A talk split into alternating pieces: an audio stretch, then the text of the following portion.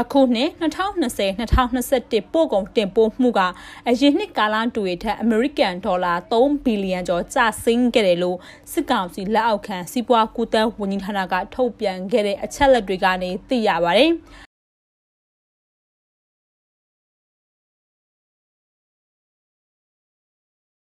အရင်နှစ်2019-2020စက်တင်ဘာလ10ရက်နေ့အထိလေယာဉ်ထွက်ကုန်တွေရဲ့တင်ပို့မှုကအမေရိကန်ဒေါ်လာ3.6ဘီလီယံကျော်ရရှိခဲ့ပြီးအခုနှစ်မှာတော့အမေရိကန်ဒေါ်လာ4.4ဘီလီယံကျော်ရရှိခဲ့တဲ့အတွက်အမေရိကန်ဒေါ်လာ869တန်တိုးတက်ရရှိခဲ့တယ်လို့ဆိုပါတယ်။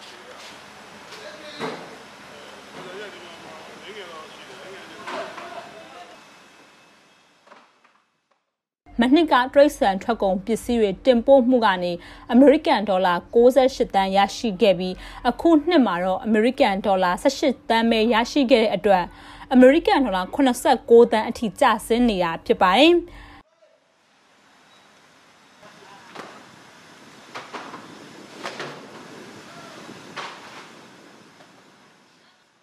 မနှစ်ကရေထွက်ကုန်ပစ္စည်းတင်ပို့မှုကနေအမေရိကန်ဒေါ်လာ808တန်းကျော်ရရှိခဲ့ပြီးအခုနှစ်မှာတော့အမေရိကန်ဒေါ်လာတန်ပေါင်း900ကျော်ပဲရရှိခဲ့တဲ့အတွက်အမေရိကန်ဒေါ်လာ66တန်းကျော်လောက်ကလည်းကျဆင်းနေတာပါ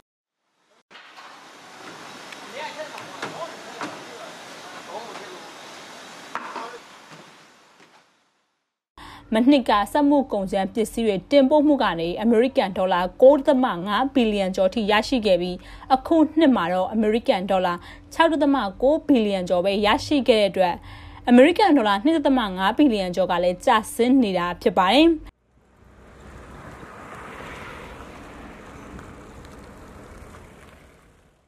မနှစ်ကအခြားကုန်ပစ္စည်းတွေတင်ပို့မှုကနေ အမေရိကန်ဒေါ်လာတန်ပေါင်း900ကျော်ရရှိခဲ့ပြီးအခုနှစ်မှာတော့အမေရိကန်ဒေါ်လာတန်ပေါင်း900ကျော်ပဲရှိခဲ့တဲ့အတွက်အမေရိကန်ဒေါ်လာတန်ပေါင်း400ကျော်ကလည်းကျဆင်းနေတာဖြစ်ပါတယ်။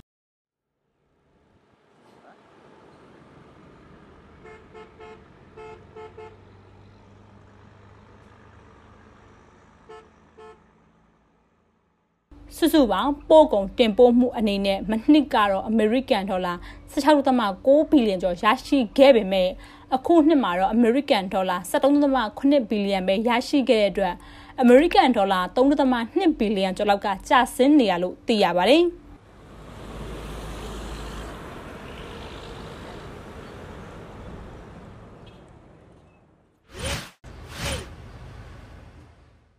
အိန္ဒိယအစိုးရကနိုင်ငံခြားကုန်သွယ်မှုမူဝါဒအရပဲစင်းကုန်ပဲတီစိမ်းနဲ့မတ်ပဲတည်သွင်းမှုကိုမူလကအောက်တိုဘာလကုန်ထိသတ်မှတ်ထားပေမဲ့အခုအခါဒီဇင်ဘာလအထိနှစ်လထပ်မံတိုးမြင့်တယ်လို့ကြေညာလိုက်ပါတယ်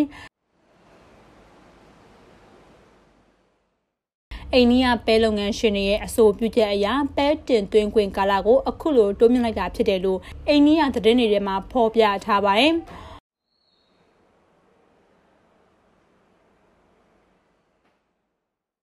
ဒါကြောင့်အိန္ဒိယနိုင်ငံကိုအဓိကအားထားပြီးတင်ပို့နေတဲ့မြန်မာနိုင်ငံအတွက်ပဲတင်ပို့ချိန်ကပိုရရှိလာမှာဖြစ်တယ်လို့မြန်မာနဲ့အိန္ဒိယတို့အကြားကရေးထိုးထားခဲ့တဲ့ MOU ရမြန်မာနိုင်ငံကနေမက်ပဲတန်ချိန်2သိန်းခွဲနဲ့ပဲစင်းကုန်တန်ချိန်3သိန်းကိုလည်း2021-2022ဘဏ္ဍာနှစ်ကနေစပြီး2025-2026ဘဏ္ဍာနှစ်မတ်လအတွင်း9နှစ်တင်သွင်းခွင့်ရရှိအောင်မှာဖြစ်ပါတယ်။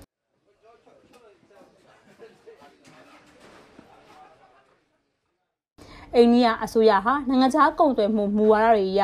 ဒီပဲ၃မျိုးကို2019ခုနှစ်ကစတင်ပြီးကန့်သက်သွင်းကုန်စီအဖြစ်နဲ့သတ်မှတ်ပြီးနှစ်စဉ်ခွဲရန်ပမာဏနဲ့ပဲတင်သွင်းဖို့အတွက်ခွင့်ပြုခဲ့တာဖြစ်ပါတယ်။အခုနှစ်မှာအိန္ဒိယနိုင်ငံကပြည်တွင်းပဲလိုအပ်ချက်တွေများပြားနေတဲ့အခြေအနေကြောင့်ပဲစင်းကိုမပဲနဲ့ပဲတီစင်းတို့ကိုမူလသတ်မှတ်ထားခဲ့တဲ့ကိုတာစနစ်ကိုပယ်ဖျက်ခဲ့ပြီးအကန့်အသတ်မရှိ လွတ်လပ်စွာတင်သွင်းခွင့်ကိုအော်တိုဘလာအကုံထိသတ်မှတ်ခွင့်ပြုလိုက်တာဖြစ်ပါတယ်။လက်ရှိအိန္ဒိယဈေးကွက်ကိုတင်ပို့နေတဲ့ပဲမျိုးစုံဈေးနှုန်းတွေကတော့ပြည်တွင်းပဲလက်ကျန်နေနေချိန်အိန္ဒိယနိုင်ငံရဲ့ပဲလိုအချက်မြင့်တက်နေရနဲ့အမေရိကန်ဒေါ်လာငွေလဲနှုန်းမြင့်တက်တာတွေကြောင့်ဈေးကောင်းရရှိနေရလို့သိရပါတယ်။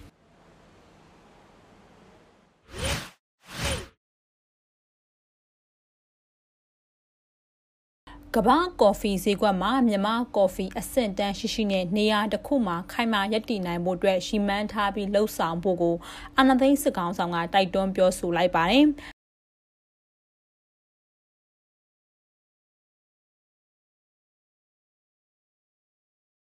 စက်တင်ဘာလ18ရက်နေ့ကမန္တလေးတိုင်းဒေသကြီးပြင်ဦးလင်မြို့မှာစီတာယာကော်ဖီခြံနဲ့ပွဲကောက်ကျွေးရမှာရှိတဲ့ Creation မြန်မာကော်ဖီခြံတို့ကိုတွားရောက်လေ့လာကြည့်ရှုပြီးကော်ဖီဆိုင်လုပ်ငန်းရှင်တွေနဲ့တွေ့ဆုံတဲ့နေရာမှာအကြမ်းဖက်စစ်ကောင်ဆောင်ဗိုလ်ချုပ်မှုကြီးမင်းအောင်လှိုင်ကပြောဆိုခဲ့တာပါကော်ဖီဆိုင်ပြိုးတဲ့လုပ်ငန်းဟာအရင်အနီးများပြီးကာလရှည်ရဲ့လုပ်ငန်းဖြစ်လို့အောင်မြင်အောင်လှုပ်ဆောင်ရမှာဖြစ်ပါတယ် ပြည်တွင်းပြည်ပဈေးကွက်တွေကိုအမြဲမပြတ်လေ့လာနေဖို့လိုတယ်အထွတ်အနှုံးကောင်းမွန်ဖို့ quality product ဖြစ်ဖို့ဈေးကွက်ရရှိဖို့အတွက်လိုအပ်မှာဖြစ်တယ်အနက်အရသာအယောင်ကောင်းမွန်ရမှာဖြစ်ပြီးဈေးကွက်လိုအပ်ချက်နဲ့ဒေတာအလိုက်ကြိုက်နှစ်တဲ့အမျိုးအစားတွေကိုလေးလာစမ်းစစ်ခွဲခြားပြီးဖြန့်ချီဖို့လိုတယ်။လုပ်ငန်းတစ်ခုကိုဆောင်ရွက်တဲ့နေရာမှာသုတေသနဖွံ့ဖြိုးမှု research and development ရှိရမှာဖြစ်ပြီး သုတေသနလုပ်ငန်းတွေကိုမဖြစ်မနေလှုပ်ဆောင်ဖို့လိုတယ်ဆိုပြီးစစ်ကောင်းဆောင်ကပြောဆိုနေတာပါဒါအပြင်ပထမအဆင့်အနေနဲ့ကုန်ချမ်းတွေတင်ပို့ရောင်းချပြီးဒုတိယအဆင့်အနေနဲ့ကုန်ချောတွေထုတ်လုပ်ပြီးအရေးသွေးမြင့်ကုန်ချောတွေကိုပြည်ပကိုတင်ပို့ရောင်းချနိုင်အောင်စဉ်းစားဆောင်ရွက်ဖို့မျိုးကောင်းမျိုးတန်းရရှိဖို့ ဤစနစ်ကြဖို့ဈေးကွက်ရရှိဖို့နဲ့အရင်းနှီးလိုအပ်ချက်တွေအတွက်တော့နိုင်ငံတော်မှကူညီဆောင်ရွက်ပေးမှာဖြစ်လို့လုပ်ငန်းရှင်တွေအနေနဲ့တော့အရေးသွေးမြင့်တဲ့ကော်ဖီထုတ်ကုန်တွေရရှိအောင်ကြိုးပမ်းဆောင်ရွက်ကြဖို့နောက်မှလုပ်ငန်းရှင်တွေကိုယ်တိုင်သူတနာပြုတာမျိုးကောင်းမျိုးတန့်ထုတ်လုပ်ပြတာဈေးကွက်မြင့်တင်ဆောင်ရွက်ရမယ်ကမ္ဘာကော်ဖီဈေးကွက်မှာမြန်မာကော်ဖီကအဆင့်တန်းရှိရှိနဲ့နေရာတစ်ခုမှာ ခိုင်မာရည်တည်နိုင်အောင်ရည်မှန်းထားပြီးလှုပ်ဆောင်ရမယ်လို့အာနာသိန်းစစ်ကောင်းဆောင်ကပြောဆိုနေတာဖြစ်ပါတယ်။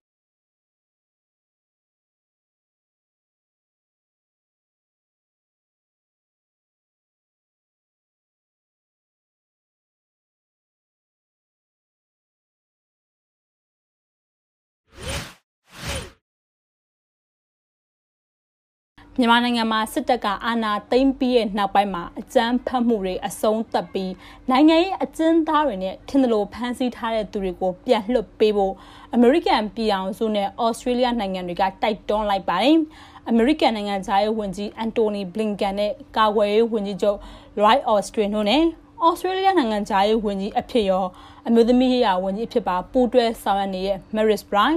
ဩစတြေးလျကာကွယ်ရေးဝန်ကြီးပီတာဒူဒင်တို့က စက်တင်ဘာလ15ရက်နေ့ကဝါရှင်တန် DC မှာကျင်းပခဲ့တဲ့30ကြိမ်မြောက်ဆွေးနွေးညှိနှိုင်းပွဲမှာတွေ့ဆုံခဲ့စဉ်အတွင်းမှာတိုက်တွန်းခဲ့ကြတာဖြစ်တယ်လို့အမေရိကန်နိုင်ငံသားရဲ့ဝန်ကြီးဌာနကထုတ်ပြန်ပါတယ်။ဒါအပြင်မြန်မာနိုင်ငံအနေနဲ့ဒီမိုကရေစီလမ်းကြောင်းကိုအမြန်ဆုံးပြန်လှည့်ပြီးသက်ဆိုင်ရာအဖွဲ့အစည်းတွေနဲ့တွေ့ဆုံဆွေးနွေးဖို့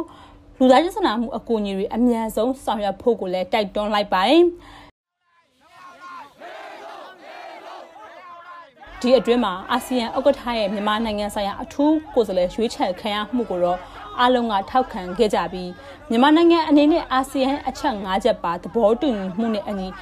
လိုက်နာဆောင်ရွက်ဖို့ကိုလည်းတွန်းအားပေးခဲ့ပါသေးတယ်။ ဒါအပြင်မြန်မာနိုင်ငံမှာစစ်တပ်ကအာဏာသိမ်းပြီးကတည်းကအဘက်ဘက်ကကြာရှုံးနေတဲ့နိုင်ငံဖြစ်လာပြီးအိန္ဒိယနိုင်ငံတွေအတွက်လည်းအန္တရာယ်ရှိလာနေရလို့အမေရိကန်အခြေစိုက်နိုင်ငံတကာရေးရာကောင်စီအဖွဲ့ကပြောဆိုထားပါသေးတယ်နိုင်ငံစီးပွားရေးကပြိုလဲသွားပြီး COVID-19 ကူးစက်မှုကပ်ရောဂါကလည်းထိန်းချုပ်နိုင်စွမ်းမရှိရာနဲ့ချီရဲ့ပြည်သူတွေကလည်းစစ်တပ်ရဲ့တပ်ဖြတ်တာကိုခံနေရရလို့ဖော်ပြထားပါတယ်။ ဖေဖော်ဝါရီလ၁ရက်နေ့စစ်တပ်ကအာဏာမသိမ်းခင်မြန်မာနိုင်ငံမှာ2020ပြည့်နှစ်ဩဂုတ်လအထိကိုဗစ်ကြောင့်ကူးစက်လို့တေဆုံးခဲ့ရတဲ့သူက6ဦးပဲရှိခဲ့ပေမဲ့2020နှစ်ကုန်ပိုင်းမှာတော့တေဆုံးသူက3000ကျော်ထိရှိလာနေတာဖြစ်ပါတယ်။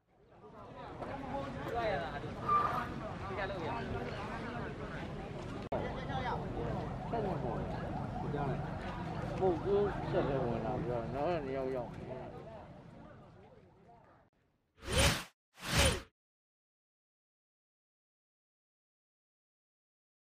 မြန်မာနိုင်ငံမှာဖေဖော်ဝါရီလနေ့နောက်ပိုင်းမှာလူဦးရေ2သိန်းကျော်ကအိုးအိမ်စွန့်ခွာထွက်ပြေးနေရပြီး3တန်းကတော့အကူအညီတွေအများကြီးလိုအပ်နေရလို့ကုလသမဂ္ဂလူသားချင်းစာနာမှုဆိုင်ရာညှိနှိုင်းရေးယုံအိုချာမြန်မာကစက်တင်ဘာလ18ရက်နေ့မှာထုတ်ပြန်လိုက်တဲ့လူလူသားချင်းစနာမှုဆိုင်ရာအကျဉ်းချုပ်သတင်းလှမှာဖော်ပြလိုက်ပါတယ်။အဲ့ဒီလူရည်ရဲ့စုစုပေါင်း3တန်းခန့်က တိုက်ပွဲလုံခြုံရေးအခြေအနေမုတ်တုံမိုးနဲ့ COVID-19 ကပ်ရောဂါတွေကြောင့်အခက်အခဲတွေနဲ့ရင်ဆိုင်နေရပြီးလူသားချင်းစာနာမှုအကူအညီနဲ့အကာအကွယ်ပေးအစီအစဉ်တွေအများကြီးလိုအပ်နေလို့ထုတ်ပြန်ထားပါတယ်။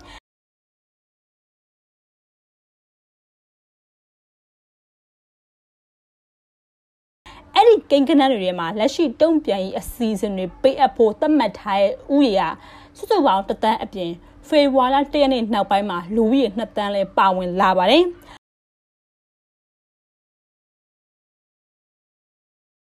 ဖေဝါလန်တင်းနေနောက်ပိုင်းကလေးကတိုက်ပွဲတွေကြောင့်လူဦးရေ2သိန်းကျော်က